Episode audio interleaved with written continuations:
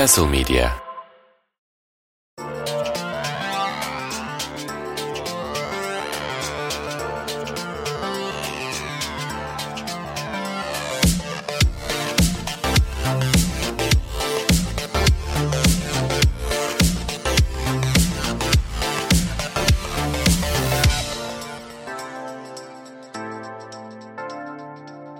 Castle Medya'dan herkese merhabalar. Gölgede ve Güneşte'nin 15. bölümüne hoş geldiniz. Bugün tanımaktan çok memnun olduğum, pek sevdiğim kıyak bir konuğumuz var. Ki kendisi Gölgede ve Güneşte'ye hiç de yabancı değil aslında. Şöyle anlatabilirim. Bir gün rastgele bir anda Twitter'da gezinirken karşınıza şöyle bir liste çıktı diyelim. Estonya milli takımında en az 15 maç forma giymiş ve Aralık ayında oynanan bir Premier Lig maçında gol atmış futbolcular. Böyle bir tweet gördüyseniz işte o an anlayın ki az önce kendisinin hesabına denk geldiniz. Sevgili Ozan Ateş bizimle beraber. Ozi hoş geldin kardeşim. Hoş bulduk. Teşekkürler abi. Güzel bir tanıttın beni. Hoş geldin Ozan. Diğer yanımda da ekibimizin daimi üyesi var. Şimdi az önce madem doğaçlama bir şekilde değişik tanıtım yapmalı bir topa girdim. O halde kendisini de şöyle anlatayım. Senin her tanıtımların değişik ya. o zaman şöyle yani mesela Mütevazi davranma. estağfurullah abi. E mesela diyordum Ayvalık'ta sıcak bir Temmuz akşamında gün batarken böyle alelade bir deniz manzarasının karşısında taburesinde oturan ve elindeki Galeano kitabına göz gezdiren bir adam gördünüz Küçük diyelim. düzeltme yapayım. O zaman da anlayın Tab- ki taburede pek oturmam. Onur'a denk geldiniz. Taburede pek oturmam. Rahatına düşkün bir insanımdır. Ve haddinden fazla biraz uzun boylu olduğum için şey tabure pek bana göre Tamam değil. o zaman Onu daha böyle rahat bir sandalye evet, olarak. az önce az önce tasvir ettiğim şeyi rahat sandalye olarak gözünüzün önüne getirin. İşte böyle bir Ayvalık akşamında birine denk gelirseniz o zaman da Onur'u gördünüz demektir. Onur Özgen bizimle beraber. Onur hoş geldin abi sen de. Hoş buldum. Bendeniz de Nihat Güven. Santra'yı yapalım ve haftalık futbol sohbetimize başlayalım efendim. Şöyle ki milli takımların mesaisi şimdilik bitti ve artık sahne sırası kulüp takımlarına geldi. Haliyle 2022 Dünya Kupası'nı mental olarak diyeyim geride bırakmak ve oluşan etkileri hafızalardan silmek şu saatten sonra tüm dünyadaki futbol kulüplerinin ve kendilerini çevreleyen o kamuoyunun bir numaralı hedefi konumunda. Tabi olan biteni hemen unutmak öyle pek kolay bir şey değil. Hayatta da böyle. Hala da dünya... Aşa, aşabildin mi o sahneyi Nihat? evet tam tam onun gibi oldu abi. ben aşmaya çalışsam da hala da Dünya Kupası'nın Dünya Kupası ile ilgili özür dilerim bazı yankılanmalara denk geliyoruz. Örneğin Fransa milli takımı taraftarları diyeyim e, yapılan kural hataları sebebiyle Arjantin'le oynadıkları final maçının tekrar edilmesi için bir imza kampanyası başlattılar hafta başında. E, Ben de bir girip baktım tam neden bahsediyorlar gerekçe neymiş diye. Şey yazmışlar uzatma dakikalarında o Messi'nin tam 3. golü attığı esnada yedek kulübesinden iki tane Arjantinli oyuncu sahaya erken giriyor. Gol sevincine erken başlıyorlar. Bu konuda da 300 bine yakın imza toplanmış. Bunun üzerine bugün bir Arjantin TV kanalı galiba TYC miydi? TYC Sports öyle bir şey bir açıklama yapmış. Onlar da şey demiş Fransızların maç tekrarı talebi üzerine yayın akışımızda değişikliğe gidiyoruz ve bugün maçı tekrar yayınlıyoruz demişler onlar da. Hatta Güzel. bir kısım bir kısım Arjantin sempatizanı da işte Fransa ağlamayı bıraksın başlıklı imza kampanyası düzenlemiş aynı platform üzerinde. Yani böyle şeyler yine sürüyor. Bu arada yankılar demişken şimdi aklıma geldi. Bir diğeri de bizim coğrafyamızda hissedildi. Yani görmüşsünüzdür siz de final maçında son düdüğün çalmasının ardından dünya şampiyonu olan Arjantinli futbolcuların analarının babalarının alamadığı düzeyde bir akreditasyona sahip olan Nusret Gökçe sahaya girdi ve tüm oyuncularla tek tek fotoğraf çektirdi. Yani aslında bu ilk sayılmaz çünkü hatırlıyorum kulüp futbolundaki en büyük organizasyon olan Şampiyonlar Ligi finalinde de o ne diyorlar flash interview yapılan alana Nusret Gökçe'nin girdiğini, orada böyle kolu kırık Muhammed Salah'ın yanında et tuzlama hareketi yaptığına falan şahit olmuştuk gayet Bir geçmişte. de FIFA soruşturma başlatmış ya bu adam nasıl sahaya girdi diye. Evet, o bence evet. olaydan daha komik. A- aynen öyle. Ben de tam aslında oraya gelecektim. Yani o Nusret Gökçe bizzat Messi de dahil aslında bütün oyuncularla fotoğraf çektiriyor. Ama Messi'yi darladığı görünen o 8-10 saniyelik video ile bir anda o ekstra gündem oldu. Yani Rafael Varane bile maçta Messi'yi o derece çekiştirmemiştir herhalde diye düşünüyorum. Bir şey gibi oldu yani. Orada işte Messi beni hatırladın mı? Mustafa Akbaba ben. Türkiye Gazetesi falan. Hatırlıyor musun o zaman? Evet. Hamit Altıntop muydu o? Evet Hamit. Yani Onur'un dediği yere gelecektim ben de. Yani tüm bu olaylara gıkını çıkarmayan ve o video yayılmasa muhtemelen çıkarmayacaktı olan FIFA ise işte Nusret Gökçe'nin sahaya hangi izinlerle girdiğine dair bir güvenlik soruşturması başlatmış. Yani oldukça samimi bir hamle gerçekten. FIFA Başkanı Infantino turnuvadan önce şey demişti ben kendimi Arap hissediyorum. Afrikalı hissediyorum, eşcinsel hissediyorum, hatta göçmen işçi gibi hissediyorum demişti. Herhalde o Nusret videosu yayınlandıktan sonra kendisini vegan gibi hissetti ve bu kez de böyle bir aksiyona girdi. Hayırlısı diyelim On, o noktada ama pardon. onun haricinde başka etkileri de oldu. Böyle belki Nusret'in gitmeyeceği Amerika'da veya başka ülkelerde bazı organizasyonlar yasak getirdi kendisine. Şov amaçlı. Bu şeydi Rusya Futbol Federasyonu ile alakalı yaptırımlar başladığı dönemde işte atıyorum bir amatör lig takımı mı biz de işte Rus oyuncuyu almayacağız falan gibi böyle saçma sapan tweetler falan atmıştı biraz. Onlar gibi oldu harbiden. Ama ben de en son şöyle bağlayacaktım bu yankı işini. Yani gölgede ve güneşte olarak bütün dünyadaki futbol severlere açık çağrı yapabiliriz buradan. Hani eğer ki programın başında da söylediğim gibi zihinlerinizden Dünya Kupası'nı tamamen silmek, olan biteni unutmak istiyorsanız yapmanız gereken tek şey Süper Lig izlemek. Yani iki hafta bir top izledik burada tekrar başlamasının ardından. İşte oyunun sürekli olarak durması, faul sayısının Dünya Kupası'na oranla oldukça fazla olması, keza topun oyunda kalma süreleri yine sıkıntı, VAR'da geçirilen vakitler yine sorunlu. İşte hemen daha ilk maç günü Mert Hakan Yandaş maçtan sonra bir güvenlik görevlisi hakkında ısınırken bana saldırdı diye öyle bir açıklama yaptı. Hani biz efendi efendi duruyoruz bana saldırıyorlar tarzı bir söylemi oldu. Ertesi gün o şey polis hakaret ve yalan beyan iddiasıyla kendisi şikayetçi olmuş Mert Hakan'dan. Yani anında böyle işlerin içine hemen girdik falan. Keza uzatma dakikası ile alakalı Dünya Kupası'nın başında o uygulanan kural sonradan yok ya burada dengeyi daha iyi bulalım diye kupa devam ederken revize edilmişti. Biz o ilk haliyle şu an bol bol uzatarak devam ediyoruz falan. Anca biri bağırınca, biri çıldırınca muhtemelen o da değişecek. Ya ben özetle çok uzattım. Dünya Kupası'nı anında unuttum. İki haftalık Süper Lig serüveninde. Herkese de tavsiye ederim. Unutmak isteyen varsa topçuların hani biraz kafanızı toplayın. Geçti artık onlar demek isteyen bir kulüp de varsa Süper Lig'e şöyle bir bakınabilir. Çivi çiviyi söker diyorsun. Aynen öyle olur. Ben de Süper Lig'i izlerken o amaçla izliyorum. Sadece Vegors her gol attığında Dünya Kupası'nı hatırlatan futbol hesapları çıkıyor karşıma. Hmm, evet. Vegors devam ediyor diye. Doğru. O şey bizde zaten yeterince sansasyonu vardı Vegorts'un Dünya Kupası'nda boy göstermesi falan da biraz hani böyle göz önünde olmadığı coğrafyalarda diyeyim. Onun o Arjantin maçına sonradan girip attığı iki gol bayağı bir yankı uyandırdı. Keza sonrasında Messi ile olan atışması var herhalde. Messi'nin ona önüne baksana oğlum dediği o şeyden şarkı falan yapmışlar TikTokçular böyle hani onu böyle tekrar edip remix falan yapmışlar. Acayip acayip işler. Ve, Ama ve zaten İngiltere odaklı medyada floplar veya o kadar bekleneni veremeyen futbolcular çok fazla akılda kalıyor ve sürekli hatırlatılıyor. O yüzden aslında Vegors da çok fazla şans bulmadı. Çok fazla kalmadı Burnley'de ama o az zamanlık bir bölüm bile Vegors'ta çok fazla ilgi duymalarına sebep oluyor. O yüzden de onun da Değil mi? Doğru diyorsun. Fegors Şanlıurfa spor maçından sonra Messi'ye bir cevap verdi yalnız onu biliyor musunuz duydunuz mu? Ben bir metin okudum. Herhalde ondan bahsediyorsun. Şey dedi Messi de böylece artık beni tanımış olmuştur. Evet ismimi öğrenmiş oldu gibi bir şey demiş. Yani gayet zaten akıllı bir insana benziyor. PR pazarlama ne demektir? Adam cool, cool bir adam ya. Coolluğun baştan aşağı tanımı yani. Evet yani boylu postlu da bir abimiz aynı zamanda. Başarılarının devamını diliyoruz. 2022 yılındaki anılarımıza geri dönüp şöyle bir bakış atacağımız bir bölüm olacak bugün.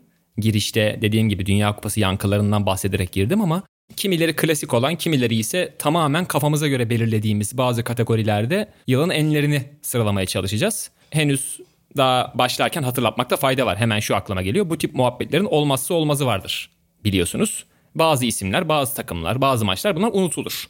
Yani YouTube'da program yaptığım zamanlarda da hep aynısı olmuştu. Şahsen kendi adıma konuşuyorum. Programı kaydettikten iki gün sonra ha ya bir de o vardı sızlanması yaşıyordum ben. Pek muhtemel ki bugün de aynı durum olacak. Ama dediğim gibi 2022 yılının son programındayız bugün. Hazır Ozan gibi böyle kenarda köşede kalmış, gerekli gereksiz ne kadar detay varsa hepsini kendi zihin ajandasına not etmiş bir insanla beraberiz. Biz de bu durumu fırsata çevirelim ve ödül dağıtalım diye düşündük. Gerçi böyle söyleyince de Ozan'ı sanki yoldan çevirmiş gibi oldum. Aşırı saçma oldu. Adama ben davet ettim yani özellikle ama tamam bu samimiyet level'ı da koruyalım. Birkaç tane muhtemelen zorlanacağımız nokta olacak yani oturtmakta. E, takvim yılına göre toparlamaya çalışacağımız bir ödül dağıtımı olacak. E, o açıdan birazcık bir zorluk var. Hem de bir de istisnai bir yıldı. Malum işte sezon ortasında Dünya Kupası oynandı. Bir de yani yakın zamanda düzenlenmiş böylesine çarpıcı bir organizasyon ister istemez akıllarda büyük yer tutuyor. Hani insan zihninin parametreleriyle oynamış oluyor aslında. Çünkü son olan hep daha böyle konuşulan, daha net hatırlanan olduğu için bu tip zorluklarımız, meydan okumalarımız olacak listeleri yaparken ama şimdiden af buyurun deyip yılın takımıyla başlayalım. Evet Arjantin diyorum ben o zaman bu, bu kadar. ne diyorsun Ozi yılın takımına? Katılıyorum sanırım. Yani doğal olarak bu sene Dünya Kupası ve her sene olduğu gibi Şampiyonlar Ligi kazananın olduğu için iki takım ön plana çıkıyor. İkisinde benzer tarafları da var aslında. Çok efsanevi maçlar oynayarak geldiler buraya ve her ne kadar Arjantin favori olsa da Messi'ye sahip olsa da yine Real Madrid kupayı en çok kazanan takım olsa da çok fazla favori gözükmeden ya da çok fazla gümbür gümbür gelmeden zor ve olaylı maçlarla geldiler ve kupayı kazandılar. O yüzden doğal olarak iki aday onlar oluyor. Ben de Arjantin'i biraz daha öne çıkarabilirim. Çünkü çok fazla açıdan zaten olaylı bir şampiyonluk oldu. Başarılı bir şampiyonluk oldu. O yüzden katılıyorum. Yani haksızlık etmemek için milli takım ve kulüp diye hadi böyle bir yalandan bir ayrım yapmış olayım şimdi. Doğru diyorsun. İşte milli takımda Arjantin, kulüp düzeyinde ise Real Madrid diyebiliriz buna. Yani oyunun yani Arjantin tarafında çok şey oldu birazcık. Fazla anlatmaya gerek yok. Hani şu Umut Sarıkaya'nın övmek için yaşayanlar karikatürü var ya. Yok almayayım canım az önce övdüm oradan geliyorum falan dedi. Biz Arjantin'i bir önceki bölümde övdük. Dileyen dinleyiciler o bir önceki bölümü de dinleyebilirler diyeyim orada bol bol övdük. Ama Real Madrid'de de bunu daha önceden Onur'la da bambaşka bir başlıkta burada konuşmuştuk. Yani oyunun daha sofistike hale geldiği diyeyim ve hikayenin anlatının özellikle de işte Pep ve Klopp gibi fenomenlerin de etkisiyle hocalar üzerinden okunduğu günümüz futbolunda nispeten oyuncuları daha ön plana tutarak fark yaratabilmesi itibarıyla Ancelotti'ye bir kredi vermiştik. Hatta işte Onur dedim az önce kendisi de Twitter'da trend oyunun oynanış biçimini değiştirecek kadar çekim etkisi yaratmayan daha basit bir kurguyla oynuyor hoca. O yüzden de eski kafalı bir stili var demişti bu bağlamda söyleyerek ama eski kafalılık eşittir kötü bir şeydir tanımı yapan 16-21 yaş arası yaklaşık 325 kişi falan linç etmişti Onur'u. Bunu da tekrar hatırlamış olduk 2022'nin önemli anılarından. Evet. Ancelotti'ye bizzat karşısına geçme fırsatı bulup eski kafalı desem teşekkür eder herhalde. Sanmıyorum alınacağını. Şeye katılıyorum bu arada Arjantin ve Real Madrid tabii ki. Herhalde herkesin ilk aklına gelen Değil mi? milli takım ve kulüp takım düzeyinde bu iki takım olur sanırım. Yani Arjantin Dünya Kupası'nı hangi yıl kazanacaksa zaten o yılın takımı o olacaktı. 2014'te kazansalardı örneğin. 2014'ün takımı Arjantin olacaktı. İster istemez. Real Madrid'e de katılıyorum. Yani hiç beklenilmeyen bir şey yaptılar. Aslında Real Madrid'in hiç Avrupa şampiyonunun hiç beklenilmeyen olması da kendi içinde hiç beklenilmeyen bir şey. Doğru. Ama bir Ancelotti yılı olduğu söylenebilir 2022'nin aynı zamanda. Fakat 2022'yi Premier Lig'de lider bitirmeyi garantileyen Arsenal'ı ikinizin de unutması beni biraz üzdü diyebilirim. Yani açıkçası yılın sürpriz takımları. Onu da sayabilirdiniz. E, yılın sürpriz takımları diye bir başlık vardı bundan sonra. Onur tabi Arsenal Orada aşkı böyle tabi Arsenal aşkı Onur şimdi kabardığı için ki çok da normal yani 15 yıllık bilmem kaç yıllık bekleyiş var burada. Kendisinden son dönemde maalesef ki haz etmemeye başladığımız biraz bir soğukluk yaşadığımız Arsene Wenger'in de en son West Ham United maçına tribüne gelmesiyle beraber tam bir bütünlük oluştu hissettim. Gabriel Jesus'un da yokluğunda Arsenal takılır mı? Çünkü rakibin de puana ihtiyacı var falan gibi bir durum vardı ama geride düştükten sonra basıp geçtiler. Dolayısıyla yılın sürpriz takımı bir sonraki başlıkta orada Arsenal'la başlayabiliriz ama bütün başlıklarda yerel ve Avrupa kıyası yapmayacağım ben. Sadece iki tane şey var bu noktada ekleyeceğim bu yılın takımına. Birincisi Real Madrid ile alakalı içinde bulunduğumuz an itibarıyla geride kalan 20 sene söyleyeceğimi hiç düşünmediğim bir şey söylemek durumundayım ben. Real Madrid'in transfer politikası bana keyif vermeye başladı son dönemde. Yani bunu dediğim gibi özellikle de gençlik yıllarında falan yani böyle arsız çocuk gibi her gördüğümü alayım falan diyen bir kulübün benim zihnimde buraya gelmesi benim adıma da bir değişim. Bunu kabul etmek durumundayım ama e, yani şunu da söylemek lazım. O kadar fazla transfer yapıyorlar ki arada atıyorum 105 milyon euro verdikleri Eden Hazard gibi veya 63 milyon verdikleri Jovic gibi böyle tamamen çöpe attıkları paralar hala var. Ama yine de böyle şunu gördük hemen buna çökelim gibi eskiden daha A planına koydukları o transfer politikasından ziyade işte bu Rodrigo'yu, Vinicius'u 45 milyon euroya kapatmaları, işte atıyorum Kamavinga'ya 60 verip potansiyelini almaları, Chouameni'ye 80 verip daha potansiyelken katmaları. Keza işte en son Enric mi aldılar? 70 milyona daha 15 yaşında çocuk henüz daha gelemedi falan. Yani çekirdeğinin sağlam olduğuna güvendiği için o çekirdeğin üzerine sadece iyi futbolcu olduğundan dolayı o dönemin prime adamını almaktan ziyade potansiyelli oyuncuları almaya yönelmeleri, parayı oralara harcamaları hoşuma gitmiyor değil. Oradan da bir hiç övmeyeceğim taraftan öyle düşünüyordum. Bir Real Madrid övmüş oldum. Onu da söylemek lazım. İkinci konu ise çok pardon Onur bu arada bir şey mi söyleyeceksin abi? Real Madrid'in transfer politikası dediğin geçen sene transfer yapmalılar. Değil mi? Yani Benim bu hiç, en sevdiğim transfer politikasıdır transfer yapmamak. Evet hiç hiç olacak bir şey değil yani normalde doğru söylüyorsun. Keşke Onur Özgen gibi Türkiye'de 5 tane adam olsa falan şimdi oraya bağlayacaktım ama hazır Türkiye demişken o yılın takımı ile alakalı dediğim gibi sadece bu başlık özelinde yerelden de ekleme yapabilirim. Yapmak da isterim. Trabzonspor'u söyleyebiliriz. Orada da işte Real Madrid krediyi oyuncular üzerine tek tek gitmekten ziyade Ancelotti üzerinden vermiştik. Orada da Abdullah Avcı'ya bir selam yollayabiliriz. Yani metodu olan, prensipleri olan ama finali yapamayan bir futbol insanıydı Abdullah Avcı. Onu da yaptı geride bıraktığımız sezonda. Ve Trabzonspor'un da nihayetinde şampiyon olmasıyla beraber Süper Lig'de son 12 yılda 6 farklı şampiyon çıkmış oldu. Bu benim bildiğim kadarıyla başka herhangi bir ülkede yok. Zaten Süper Lig'i övebileceğim bir tane madde var şu an bu hayatta. O da işte bu son yıllardaki şampiyon olan kulüp çeşitliliği. Başka herhangi bir şey sayamıyorum. Ama Ama bu da yani şeyden çok fazla güçlü takımın veya işte çıkmasından ya da işte oyun kalitesinin çok yükselmesinden değil de o lokomotif diye tanımlayabileceğimiz takımların çok fazla çaptan düşmesinden kaynaklanan bir durum. Ve her sene Kesinlikle. Şampiyonlar Ligi'ne katılan takımın mutlaka düşüş yaşaması gibi sorunlar Evet. değişime sebep oluyor. Bütün bütün parayı Şampiyonlar Ligi'ne gömünce doğru. Ligde dibe vurmak. İşte abi ideal program akışı bu ya. Yani hani ortaya koyduğumuz fikrin arka tarafını da böyle hemen birkaç cümleyle harika toparlama. Tam şu an süper bir 2022 wrap yapıyoruz yani. Spotify yapıyor. Biz de ben, şu an benzerini yapmaya başladık. Hemen hiç hızımızı kesmiyorum. Devam ediyorum. Aslında Trabzon'la alakalı neyse tamam onu da söyleyeyim. Şu Fenerbahçe'yle oynadıkları son maçın sonrasında Trabzonspor sosyal medya ekibi ki yine yerelde bir sosyal medya ödülü vereceksek belki hani onları tepeye yazabiliriz 2022'de. İyi işler yapıyorlar. Ee, belki görmüşsünüzdür. Abdullah Avcı'nın maç önü takım toplantısındaki konuşmaları ve orada yaptığı planlamayı oradaki kaydettikleri görüntüleri Twitter'a atmışlar. Ve Fenerbahçe maçında bizzat uygulamaları da karşılıklı olarak koyup işte hoca nasıl mat etti gibi bir şekilde anlatmışlar oradaki hikayeyi. Temelde işte Abdullah Avcı'nın Fenerbahçe savunmasının önde olduğu anlarda Bakasetas merkezli savunma arkasına atılan toplarıyla alakalı bir şey var. Bir övgü var. O planın tuttuğundan bahsediliyor. Bugün Cesus'a sordular onu. İşte böyle bir video var. İzlediniz mi hocam diye. Çok bayıldım cevabına. Evet izledim. Gayet normal. Biz zaten o savunma çizgisiyle oynadığımız için 40 gol attık dedi. Muhteşem yani. Tam Türkiye'de olmasını istediğim şey tartışmalar yani. Tam bö- münakaşalar böyle olsa mesela. O yüzden takdir ediyorum tekrardan iki hocayı da. O video benim bu arada hiç hoşuma gitmedi ya. Sen sevdin mi? Yani ben şey yapmadım ya. Pep'in şu Amazon'daki şey var yani Manchester City idman görüntüleri böyle kameranın olduğunu bildiği için aşırı overacting yaptığını düşündüğüm O- bir... All or, all, all or Nothing'ler zaten başımıza bela etti yani bu şeyde. Evet evet ya ben mesela Soyunma odası maç işte maç sonlarındaki kazandıkları daha doğrusu takımların maç sonlarındaki motivasyon konuşmalarının da paylaşıldığını sık sık görüyoruz son zamanlarda. Yani ben şeyden rahatsızım. Birincisi yani zaten bu insanların işi bu. Yani e, insanların işlerini yaptıkları için övgü bekliyor olmaları bana biraz absürt geliyor. Bu birincisi. İkincisi hemen her şeyin bir PR malzemesine dönmesi benim çok canımı sıkıyor. güzel. Yani bu yüzden hoşuma gitmedi, gitmiyor.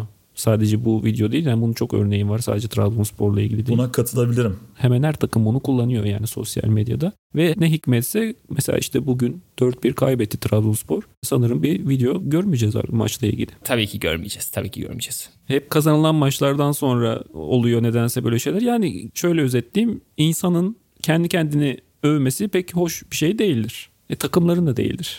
Katılıyorum. Suudi Arabistan Arjantin yendiğinde de yine Errener'in videosu çıkmıştı sonra maç kazanamalar. Benzer. Yani bırakın biz sizi takdir edelim yani siz o bizim işimiz sizin işiniz değil siz kendi işiniz. Ve diğer teknik direktörler yapmıyormuş gibi bir havaya giriliyor. O da çok ilginç. Evet. Argümanlarınıza %100 saygı duydum ama geri adım atmayacağım. Video hoşuma gitti beni gülümsettiyse şimdi siz mantıklı şeyler söylediniz diye evet ya doğru falan demeyeceğim. Ben beni gülümsettiğini ve Sana aslında da- beğendiğimi sana da bu yakışırdı beni söyleyebilirim. Ee, Öyle kardeşim yani bizde R yok falan. Ben seni de anlıyorum ya. Görmek güzel sonuçta oraları. Yani hiç Yani muhtemelen beni- ziyade. Ha, bana da orada o pozitif reaksiyonu verdiren şey de hiç görmemekten demeyeyim de hani burada da ona benzer sosyal medya işleri aa bak hani böyle böyle dokunuşlar böyle şeyler yapılıyor falan gibi oradaki o çeşitliliği görmek diyeyim. Belki hani hoşuma giden ve farkında olmadığım şeylerden bir tanesi olur ama ben beğendiğimi söyleyeyim. En iyi takımdan Trabzonspor'dan girmiştik. Bu başlığı bitirebiliriz. Yılın en iyi takımlarını seçmiş olduk. Yılın sürpriz takımlarına gelelim. Onur Arsenal demişti zaten girişi yaptı. Gerçekten de hani sadece şu an Premier Ligi 2022 takvim yılında lider bitirecek olmaları kısmını geçiyorum ama hikayeyi biraz da önceden aldığın zaman sürpriz takıma koyuyorum. Normalde Arsenal'in yılın sürpriz takımı başlığında olmaması gerekiyor. Aynı Real Madrid'in transfer politikasını öveceğimi hiç düşünmezdim dediğim yıllarda böyle bir cümle kuracağımı da düşünmezdim aynı zamanda. Yılın sürpriz takımı Arsenal hadi ya falan ama yani hikaye tam olarak öyle değil. O yüzden buraya almak bana çok da eğreti gelmiyor. Hocanın yeniden yapılanma konusunda kulüp yönetiminden aldığı o güvence, ona verilen o zaman ve hocanın da bunun hakkını sonuna kadar şu an itibariyle o malzemeyle vermesi gerçekten takdir edilesi. Dolayısıyla Arsenal'e yılın sürpriz takımı listesine aldık ama yani diğer taraftan e, takdiri de kendilerine verelim. İsmine yakışır yerlerde şu an Arsenal öyle söyleyelim. Ozan sen sürpriz takıma nasıl bir ekleme yaparsın? Ben Arsenal'a şöyle bir ekleme yapabilirim. Başarılarının başlangıcı aslında bu sezon başlangıcı da değil. Tam olarak 2022'nin başından beri ciddi bir başarılar olduğu için tam bahsettiğimiz takvim yılı başarılarına giriyor o yüzden. Kesinlikle Doğru. iyice bahsetmek lazım Arsenal'dan. Arsenal'ın haricinde Frankfurt belki buraya girebilir. Çünkü Bundesliga'da başarılı olmamalarına rağmen Avrupa Ligi'ni kazandılar ki Avrupa Ligi'ni artık son yıllarda İspanyol takımlarının domine ettiği bir kupa olarak biliyoruz ve orada yine İspanyol takımlarını da iki tane İspanyol takımını da yenerek kupayı aldılar. Onları ekleyebilirim. Ben izninle Onur'u köşeye sıkıştırmalı bir şekilde bu sürpriz takımda şey yapacağım. Biraz zor durumda kalsın. Onur takvim yılı kriterimizi tutturmayacak olsa da mevcut Premier Lig sezonundaki çıkışı itibarıyla Newcastle United'ı sürpriz takıma birazcık böyle şey yapabiliriz, yaklaştırabiliriz. Bundan sonra onları pek sürprize yaklaştıramayacağız. Çünkü eğer bir şekilde kendilerini Şampiyonlar Ligi'ne atarlarsa 870 milyon euro para harcayacaklar muhtemelen. Ama yani sermayenin geldiği yerle alakalı karın ağrılarımızla falan belirttiğimiz için o yüzden köşeye sıkıştırıyorum gibi bir goy goy yaptım. Sen Newcastle United'ı da böyle bir liste en azından son dönemi itibariyle ekleyebilir misin? Sen de öyle görüyor musun? Yok benim listemde Newcastle vardı zaten. Köşeye sıkıştırmadım. Harbi mi? Vay anasını. Tabii tabii.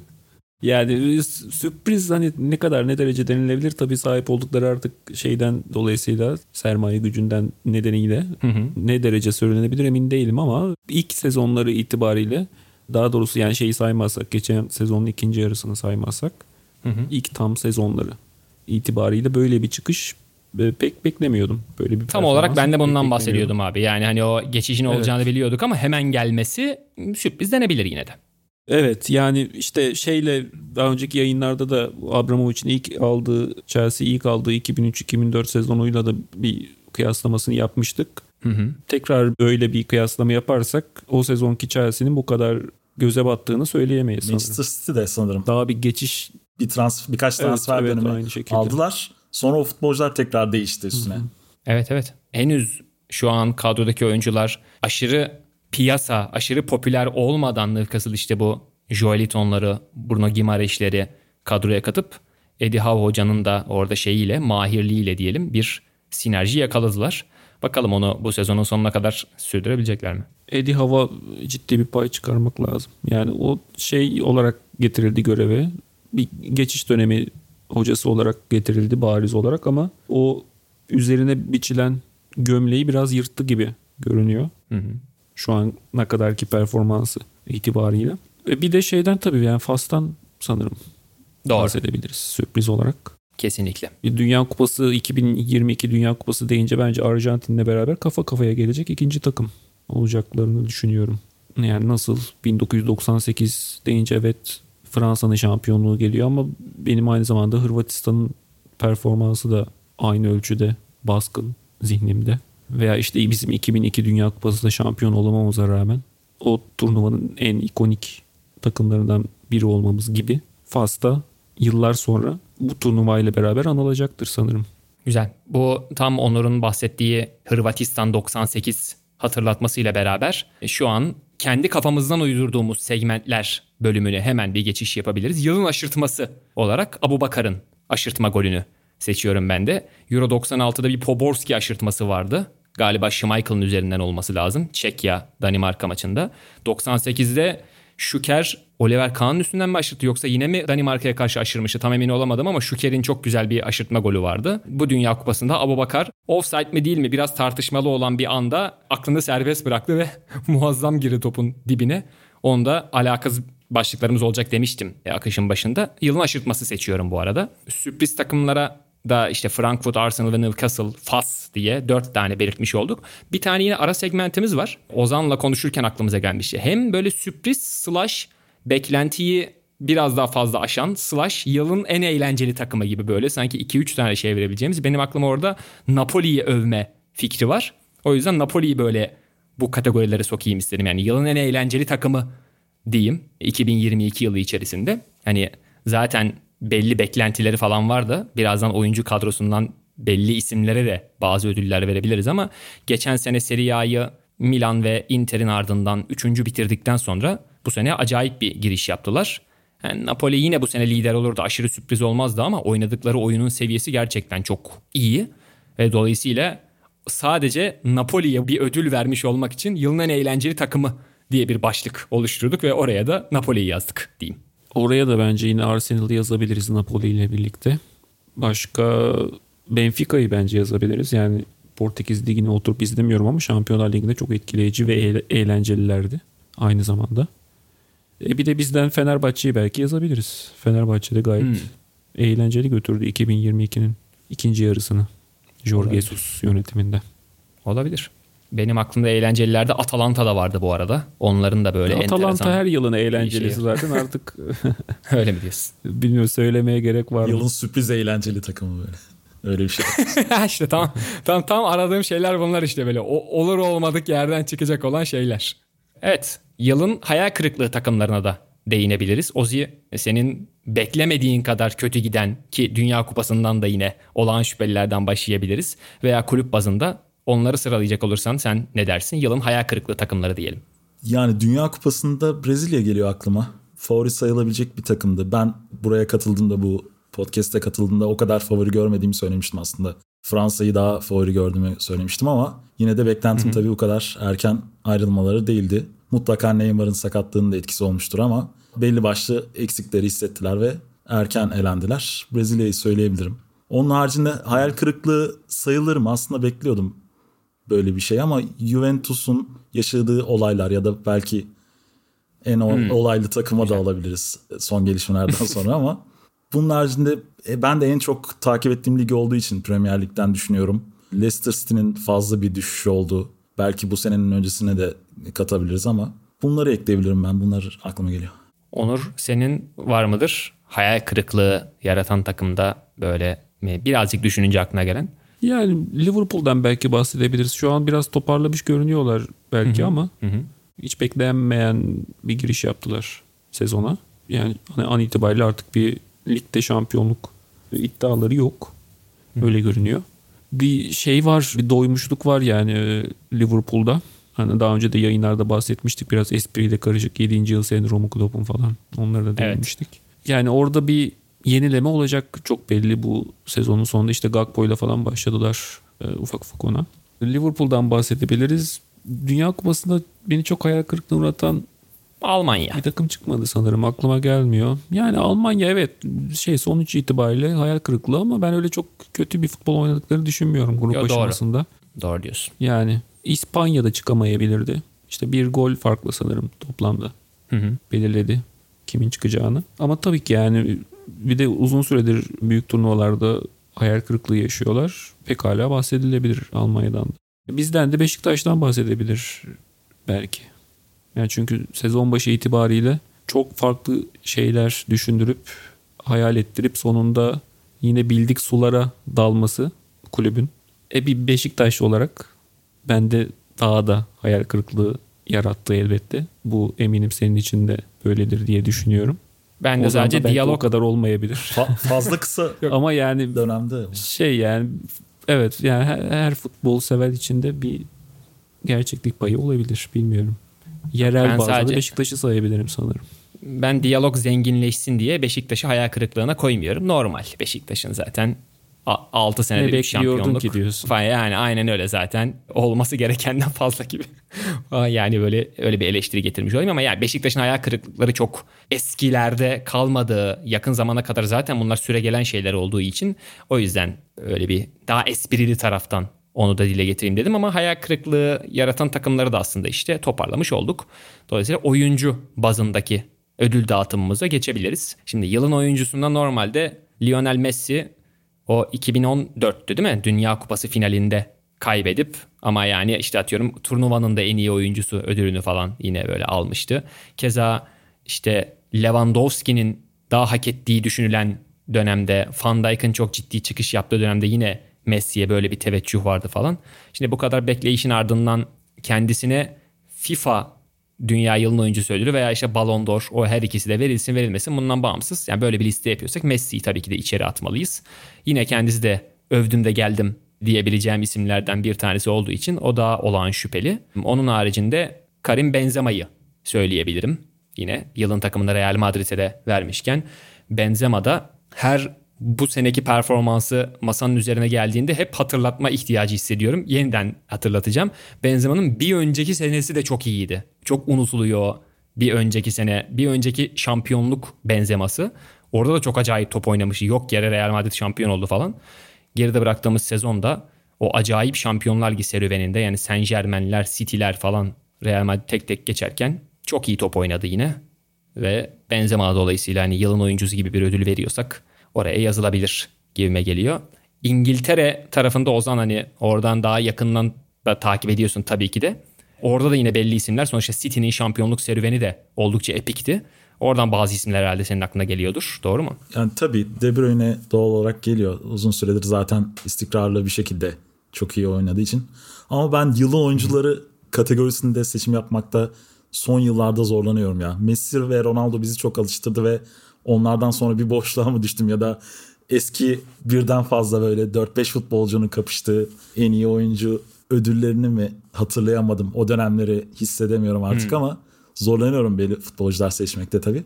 Premier Lig haricinden de yani Benzema'nın Benzema'ya katılıyorum. Benzema biraz bu sezonda sakatlıklarla çok boğuştu tabii ama ona ek olarak Valverde'yi ek- ekleyebilirim çünkü bu sezona aktarabildiği performansını daha çok o. Aklıma gelenler bu isimler. Doğru. Valverde'ye başka bir kategoride ödül ben Tabii de ki. vermeye çalışayım diye düşünüyordum. E, yılın oyuncusunda belki geçen sezonun sonu olan takvimin içinde geçen senenin sonu olan kısmı çok çok daha parlak değildi ama hani bu sezonun başından itibaren Valverde'de çok ciddi bir yükseliş var. Kaldık yani birden fazla da böyle pozisyonda oynayabilmesi falan Real Madrid için çok kullanışlı kılıyor oyuncuyu. Onur sen de saydıklarımızın haricinde babaya da hakkını teslim edelim diyeceğin başka bir isim geldi mi aklına? Ya saydıklarınıza katılıyorum. Ben de işte Messi vardı.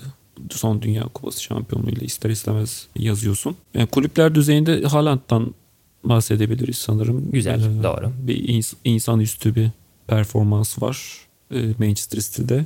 Yine Dünya Kupası'ndaki performansıyla Mbappe'den bahsedebiliriz. Başka işte Arsenal'da Gabriel Jesus sakatlanana kadar Dünya Kupası'na kadar çok acayip bir şey izletiyordu bize. E, Bütün takımın da aynı zamanda bireysel performansıyla beraber takımın da resmini değiştiren oyuncu olarak. Newcastle'da Almiron'u, Miguel Almiron'u sayabilirim belki. O da 2022'nin ikinci yarısında acayip bir şey oynuyor bence. E, Bunlar bende de. Bir de belki son olarak hani şu şey bu tip ödüllerde hücum oyuncularına bir pozitif ayrımcılık vardır. Savunma oyuncuları ve kaleciler otomatik olarak mağdur olur gibi bir algı vardır ya sırf onu kıralım duyar kasalım diye tırnak içinde belki Kurtuğa'ya bir paye verebiliriz. O Real Madrid hani Kurtuğa'ya ekstra olarak Pardon e, yılın en iyi maç performansı ödülü gibi bir şey de ya da en iyi kaleci performansı ödülü Güzel. veririz. Şampiyonlar Ligi finalinde inanılmaz bir maç çıkardı. İnanılmaz.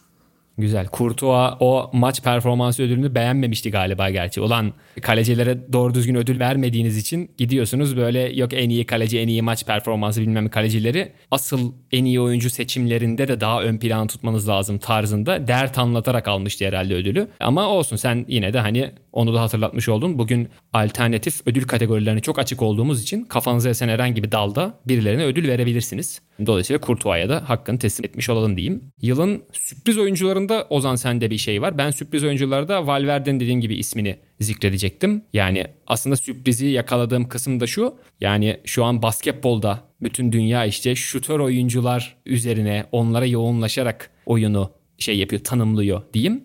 Bu futbolda da aa lan hani bileğe çalım atan oyuncu yani yakın çalım atan oyuncular ve uzaktan kaleyi yoklayan, uzaktan şut atan oyuncular hep böyle sanki 20 yıldır varlardı hala da varlıklarını sürdürüyorlar gibi bir algı oluyor sanki insanın ama şöyle oturup hadi spesifik olarak bunları sayalım dediğimizde yok abi. Yani şuraya gelecektim. Abi Valverde'nin uzaktan şutunu izlemek gibi bir keyif. Şu an hani yakın bir şutör düşünüyorum futbolda. Pek gözümün önüne çok kolay gelmiyor. Var hani Hulk'lar falan biraz geride kaldı ama hani Valverde'nin şutunu övmek için Valverde'yi bir buradan bir ödül vereyim dedim. Sürpriz oyuncular gibi bir şeye süpürmüş oldum onu. Ben onu söyleyecektim. Sende de Ozi bu arada aslında Fikret burada olsaydı oldukça sevineceği bir ismi bana yayından önce söylemiştin. Açıklamak ister misin? Tabii ki Fülkuruk yazmıştım ben. Doğal olarak Bundesliga'da yaptığı çıkış ve üstüne aslında Dünya Kupası'na da tek maça damga vurdu. Almanya-İspanya maçında Morata ile birlikte sonradan oyuna girerek golleri gollerini attılar. Forvetler geri dönmeli mi? Bizi özlemiyor musunuz mesajı verdiler. O yüzden Fülkuruk'u evet. yazmıştım. Bu arada Fülkuruk hakkında da ilginç bir bilgi vereyim. Kendisi ilk golünü yani milli profesyonel maçlarda değil de U17 takımında oynarken ilk golünü Wolfsburg'a karşı atmış ve Wolfsburg'da da Tolga Ciğerci oynuyormuş. Yani Fülkuruk'un ilk golünü izleme şansına erişmiş Tolga Ciğerci. Bu bilgiyi de vereyim bu aşırı gereksiz bilgiyi. Kardeşim bugünler için buradasın ya. Bu anlar için yaşıyorsun ve bu anlar için buradasın. Bu fun fact'leri araya atmayı unutma. Ben de bu ayki internet faturamı çıkarmış olayım yani. Tamam gerekli yeterli verimi aldım diye hissetmiş olayım. Teşekkür ediyorum bu muazzam Fükrük bilgisi için. Onur sen de yine Dünya Kupası'nı da tabii ki de yine merkeze koyabilirsin. Böyle hani şaşırtan diyeyim. Aslında bir önceki bölümde konuşmuştuk. Hani evet. şey Arjantinlileri ister istemez saymıştık. Sen de mesela Fas'taki Unahi ve Amrabat'ı tabii ki de saymıştın. Dolayısıyla yine onların üzerinden belki herhalde geçebilirsin. Enzo ve Alvarez var diğer tarafta da. Onları şey diye saymıştık hani en e, iyi çıkış yapan oyuncular evet. demiştik sanırım. Doğru. Bu adam evet. iyiymiş yahu oyuncuları. Evet evet yani yine onları söyleyebilirim. Kulüpler bazında böyle çok beni çok şaşırtan böyle performansıyla bir oyuncu benim aklıma gelmiyor şu an. Yani belki işte Brentford'dan Ivan Toney çok ciddi bir performansı hmm. var. Dün Tottenham maçında da yine çok iyiydi. O geldi aklıma şimdi düşününce. Gelmiyor ya kulüpler düzeyinde bir başka bir oyuncu. Hay hay. Galiba ee, çok ben... beklenilir bir sezon oluyor. Yok ama zaten Dünya Kupası'ndaki sürprizleri işin içine katmamız aslında burada listeyi yine az buz oyuncuyla tutmamamızı sağladı zaten. E, bayağı isim söyledik. Dolayısıyla benim sadece çok detaya inmeden daha popülist tarafta kalarak söyleyebileceğim yılın en iyi genç oyuncusu ödülü var. Burada Türkiye'de bir Arda Güler gerçeği var. Onu kesinlikle zikretmeliyiz. E, yani her başlıkta yerele gelmeyeceğim dedim ama yerele gerilesi bir performansı var. Maşallah diyelim umarız ki yani bu şekilde devam eder. Çok da düzgün bir insana benziyor performansının yanı sıra. O yüzden kendisini takdirle, hayranlıkla takip ediyorum. Diğer taraftan da yılın sürpriz oyuncusu slash yılın genç oyuncusuna girebilecek olan Kvaratskhelia var. Onu söyleyebiliriz bence. Hani e, hatta birazdan şeye geleceğiz. Yılın transferi gibi bir şeye de gelecektik. Yani bir sürü kategoriye yazabileceğimiz bir adam bir anda çıktı dünya piyasasına. Onu övebiliriz. Onun haricinde benim işte atıyorum daha olağan şüpheli olarak bu Bellingham'lar falan filan var yine söyleyebileceğim. Ozan var mıdır? Sen de katıldın sanırım benim söylediklerime ama birkaç tane de ekleme yapar mısın? Genel olarak katılıyorum. Yani Bellingham konusunda milli takıma bu kadar iyi adapte olabileceğini düşünmüyordum ben ya da o konuda şüphelerim vardı. Bellingham konusunda değil de daha çok milli takımın onu kullanma şekli konusunda. Orayı biraz Hı-hı. aşabildiler gibi. O yüzden de onu eklemek istedim. Diyorsun. Evet. Başka Musiala eklenebilir yine. Milli takımda da çok fazla önemli bir rol oynadı. Çünkü belki bu kadar hemen çekirdeğe girmesi beklenmiyordu. O Almanya'nın gerçekten iyi oynayan takımına tam ortadan girdi. Güzel. Yani canavar gençlerden o da var değil mi? Doğru diyorsun. Onur var mıdır? Genç oyuncu da açıkçası sana sözü getirene kadar bayağı olabilecek herkes saydık gibi hissettim. Sana bir şey kalmadı gibi düşündüm ama var mıdır aklına gelen biri? Benim de Bellingham ya. Ee, Net. Yani falan net. Çok etkileyici bir oyuncu gerçekten. geçen sene Dortmund'da Beşiktaş eşleştiğinde İstanbul'daki maçta acayip bir maç çıkarmıştı. O maçtan sonraki en bendeki baskın duygu ya gidememiştim orada maça.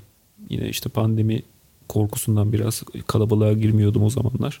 Ve şey İstanbul dışında olduğum için. En çok şey üzüldüğüm şey hani Bellingham'ı bir canlı canlı izleme fırsatını kaçırdığımda hani bir daha ne zaman Türkiye'ye gelir izleriz diye.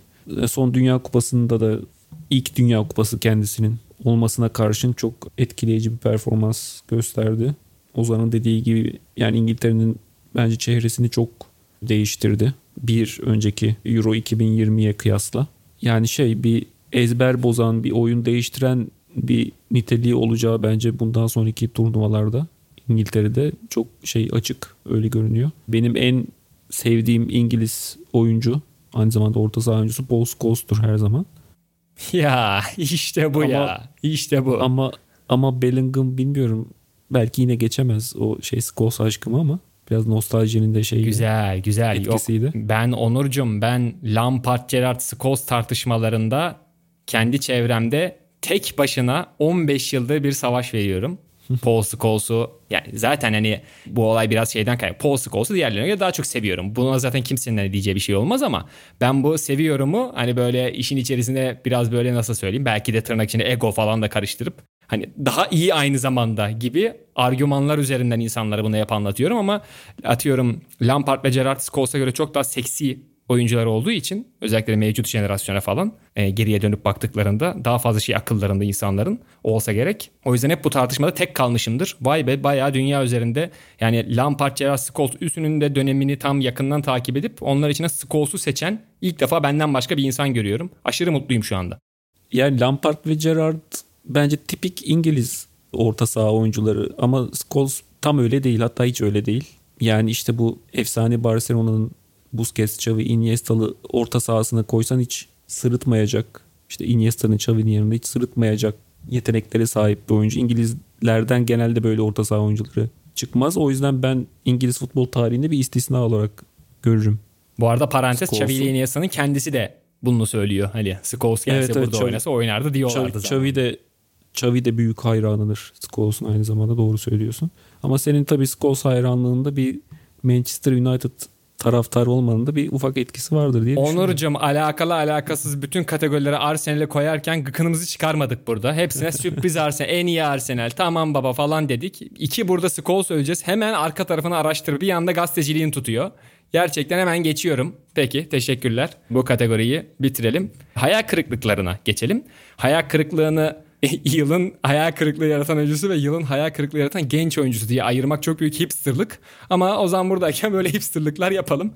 Önce hayal kırıklığı yaratandan başlayalım. Yani İlyas Salman'ın Sarı Mercedes filmindeki yani hayatımda izlediğim en iyi oyunculuklardan biridir. Kendi adıma konuşuyorum. Orada bir şey vardı. Arabalı vapur sahnesinde mi?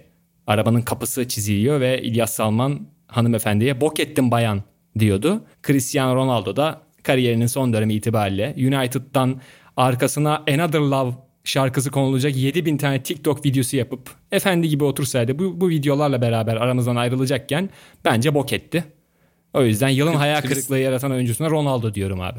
Cristiano Ronaldo'nun işte bu futbol hayatının sonlarındaki hayal kırıklığı deyince aklına sarı Mercedes'teki o sahne gelen dünyadaki tek insansın biliyorsun değil mi? doğru. Başka doğru yok. ikinci bir insan yok. olabilir. Olabilir. Doğru ve bunu da sahipleniyorum. Film de çok iyiydi çünkü. Ben de severim. Ben bunu övgü olarak alıyorum. Ozi var mıdır? Hayal kırıklığı oldu diye sen de bir tane isim söyle. Yani Lukaku'yu ekleyebiliriz belki. Süper ekleme. Bu sezon sakatlıklar da çok yaşıyor tabii ama sakatlıklar olmasa da zaten son senelerde gittikçe daha zorlanan İngiltere, İtalya geçişlerinde sürekli e, orada mekik dokurken bir yerde tutunamayan bir futbolcu haline geldi. Hı hı. Üzücü tabii. Çünkü çok uzun zamandır tanıdığımız bir futbolcu kendisi. Elimizde büyüdü diyemeyeceğim. Baya büyük bir şekilde gelmişti aslında. Ama ben Cristiano Ronaldo konusunda şunu da eklemek istiyorum ya. Bu ayrılık ve hayal kırıklığı haricinde giderken hem kulüple takışması hem teknik direktöre sallaması hem bütün eski arkadaşlarıyla kavgalı bir şekilde gitmesi çok acayip ayrı bir hayal kırıklığı oluyor herhalde. İşte evet orada mesela Patrice Evra sürekli olarak şeyi aplıyor. İşte Ronaldo bu kulüp tarihinden önemli oyuncularından biri. Bunu hiç unutmamak lazım falan diyor ama Manchester United'ın o 92 jenerasyonu kulübü olan aidiyeti biraz daha başka seviyelerde olduğu için o Gary Neville'ın başını çektiği o ekip ayıp ettin abi yakışmadı sana bu işler falan gibi söylüyor ki onlar da nihayetinde Evra ne kadar yakınsa onlar da o kadar yakın. Daha düne kadar şakalaşıyorlardı yani orada burada. Dolayısıyla işte dediğin de doğru. Üzüldüm yani Ronaldo'ya. Şimdi Ronaldo'yu yılın ayağı kırıklığı olarak seçmek Messi'ye bir ton paya verdik falan. Bu da yine böyle linçe doğru giden yola taş döşediğimiz gibi hissettirebilir ama yani oyunculukla alakalı bir şey tabii ki de söylemiyorum. Ronaldo genel olarak bu yıl ayağı kırıklığıydı diyorum. Lukaku eklemesi de yanına bence gayet oturdu oldu yani. Bir de Ronaldo konusunda şunu ekleyebilirim ilginç bir şekilde. Eski bir takımı 10-12 sene 14 sene önceki bir takımı ikiye bölen tek futbolcu olabilir belki. Ronaldo'cular ve Ronaldo karşıtları olarak ayrıldı Manchester United'ın eski kadrosu. Çok acayip bir şey. Doğru doğru. Eraycı Melihçi gibi olduk abi. doğru diyorsun. Yani o hipster kısmında yılın hayal kırıklığı yaratan genç oyuncusu falan kısmında o tamamen böyle zorlamadan ibaret olduğu için ben Sancho deyip geçiyorum. Yine bir tarafımızdan uydurduğumuz bir kategoriydi ama hani Sancho da yavaş yavaş beklentiyi karşılamaya doğru gidiyor sanki Ten Hag'ın ona verdiği yeni rolle ama nihayetinde hani etiketiyle beraber gözümün önüne getirince geldiği ilk dönemde özellikle yani geçen 2022'nin ilk döneminde geçen senenin sonunda diyeyim pek iyi sinyaller vermedi. O da o United'ın varyetesi içinde kaybolup gitti. Dolayısıyla hani böyle hayal kırıklığı ve genç oyuncu deyince aklıma da o geldi. Onu da söyleyebilirim. Başka şöyle bir düşünüyorum. Ne kategorimiz kaldı diye. Yılın transferini söyleyebiliriz. Yani orada bir olağan şüpheli var. Onur değinmişti ama Haaland demişti yılın transferine. Yani yılın transferi olabilecek isimlerden biri. Ben de tabii ki de katılıyorum. Onur başka böyle aklına gelen var mıdır? Yılın transferi öyle bir listeye alacağım biri. Mesela bence var. Senin söyleyeceğin bir isim var aklıma gelen. Kimdir? Gabriel Jesus abi. Aa tabii. Değil mi? Yani. Yani çünkü eksik parçayı çekip eklediler tamamen kendilerine. Kesinlikle.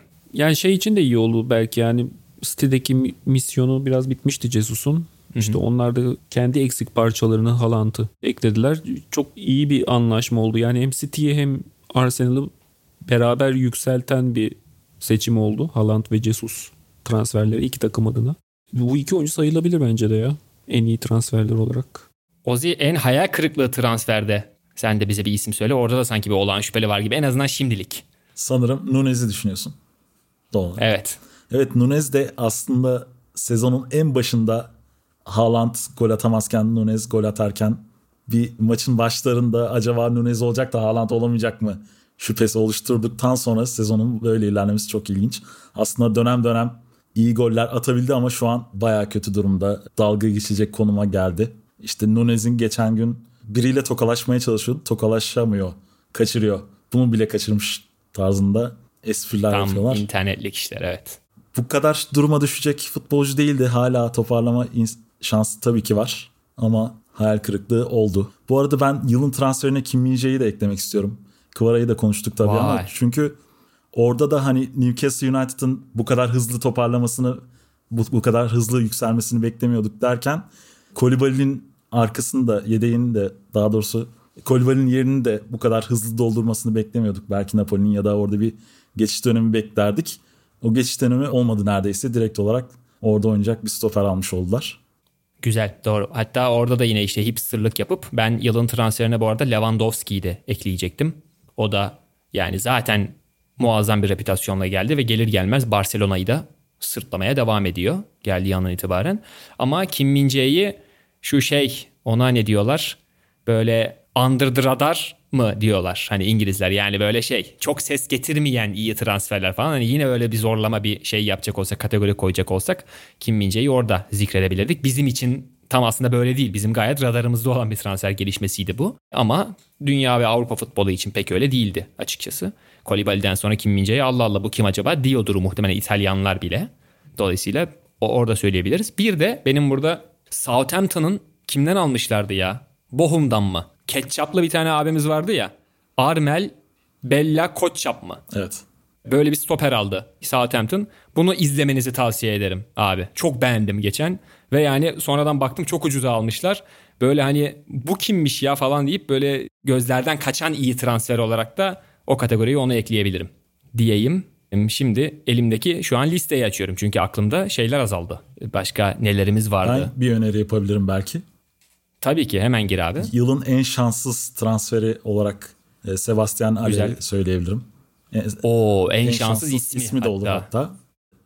Çünkü kariyerini tekrar yukarı çıkarmışken Dortmund'a transfer yaptıktan sonra testis kanseri olduğunu öğrenmesi ve şu an hala tedavi sürecinde sanırım önümüzdeki ay antrenmanlara çıkabileceği konuşuluyor. İyileşme sürecinde sorun olmadı. Sorun olmadı ama bakalım nasıl dönecek. Merakla bekliyorum ben de bir Ajax taraftarı olarak.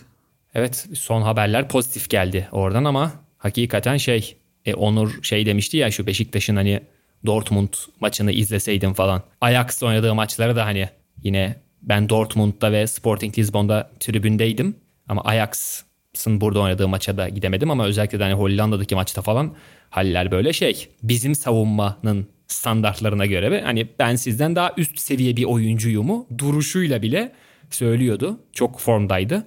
E, o oradaki şekilde maç geldi. oradaki maçta bizim savunma zaten İşte. Serdar Saatçı ile Berkay Vardar'dı yani. Evet, doğru. Yani ilk profesyonel maçlarına bile çıkmış olabilirler o maçta. Tabii tabii sonradan Serdar Saatçı'nın belki bir kupa maçı falan olabilir. Ligde yoktu galiba. Berkay Vardar'ın ne kupa lig var ne lig vardı. Evet doğru. Ama buna rağmen ben fe- fena bir maç çıkarmadıklarını hatırlıyorum. Şey Tabii tabii o maçtan önce Hayru'yu çoktu da. abi. Beşiktaş 10 yiyecek Evet, falan gibi şeyler konuşuluyor. falan şey- Beşiktaş'ın en iyi dayandığı maç Rekoru olabilir. O, belki de hatta. En iyi dayandığımız maç İlhan'ın atıldığı Chelsea maçı abi. Orada O çok sezon dayandı. Hemen böyle da- dayanmak deyince hep aklıma o geliyor. İlhan'ın düdüğü duymadım hareketi yaptı. Halbuki düdüğü duydu ama sırf yani o şeyliğinden, artistliğinden o topa vurup oyundan atıldığı maç aklıma geliyor hemen. Hemen hızlıca geri gitti. Bu arada senin burada gitmediğin Ajax maçına ben gittim senin yerine. Haberin yok ama orada Vay. da Haller sonradan girmişti oyuna diye hatırlıyorum. Her şeyden evet. yanılmıyorsam. İlk yarı Beşiktaş öndeydi. ikinci yarı Haller Değişti girdi. oyun zaten. Ajax kazandı.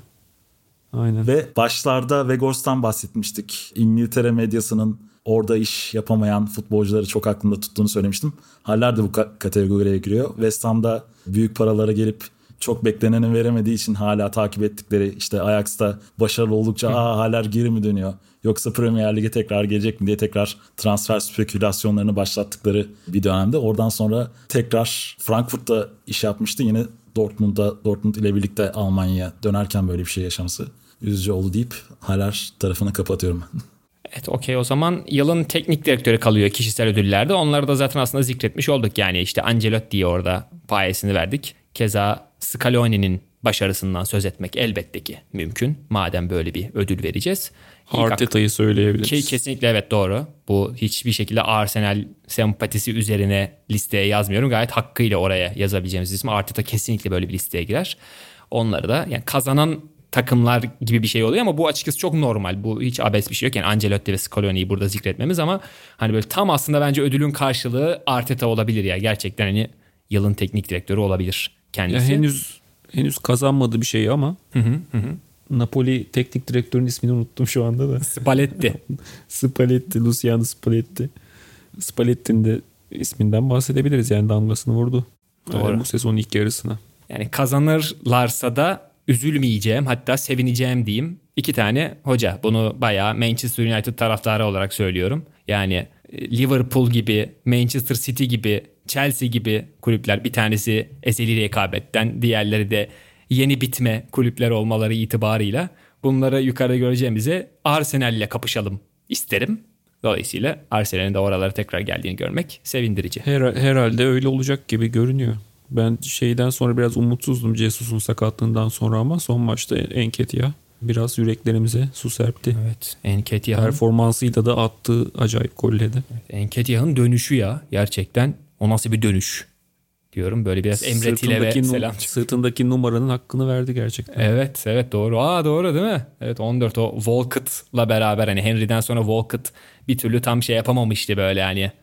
Bu adam nere, Henry nere falan. Tabii ki de Enketiah da hemen o sınıfta değil ama o dönüş mesela çok harbiden çok gözümün önüne çok benzerini ge- getiriyor Thierry Henry'den. O zaman birincisini Yani ilk seçeneği çok hızlı geçeceğimiz yılın maçı kategorisine geçelim. Sonra da yaklaşıyoruz. Başka vereceğimiz ödül kalmadı. Çünkü bayağı bol bol akademi gibi dağıttık. Yılın maçındaki bir az çok belli olduğu için ben Ozan'a iki numara tercihiyle ve bir hikayesi var mıdır sorusuyla dönmek istiyorum.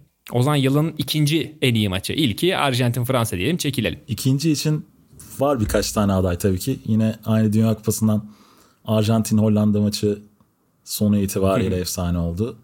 Real Madrid'in şampiyonluk Şampiyonlar Ligi yolunda iki tane uzatmalarda kazandığı maç var. Manchester City'nin şampiyonluk maçını söyleyebilirim. O da efsane bir gün oldu. Aslında çok beklenmeyen ama maç sırasında Aston Villa'nın öne geçmesiyle birden olay evet. olan bir gündü ve bir yandan Liverpool'da geriye düştü.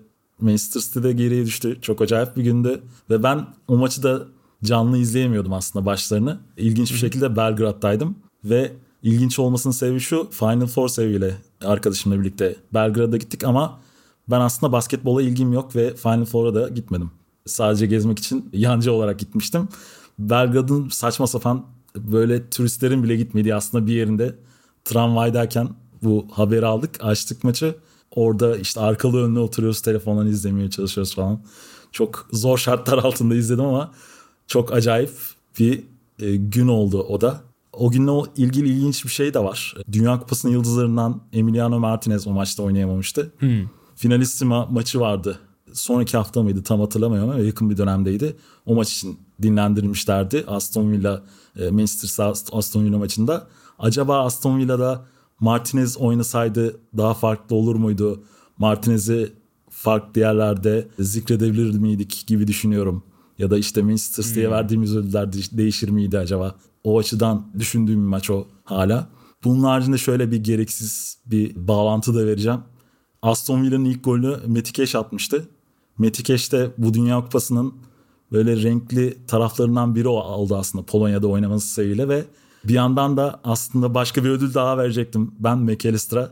Çıkış değil de en ilginç bir şekilde sükse yapan futbolculardan oldu. Hem ismi hem de işte İrlanda asıllı olması sebebiyle. Değil mi? Arjantin'de Tabii. ne işi var falan ama babası babası, babası falan babası da ben sonradan ile oynamış. Yani evet. Kendisi Messi ile oynadı. Dünya Kupası'nı kazandı.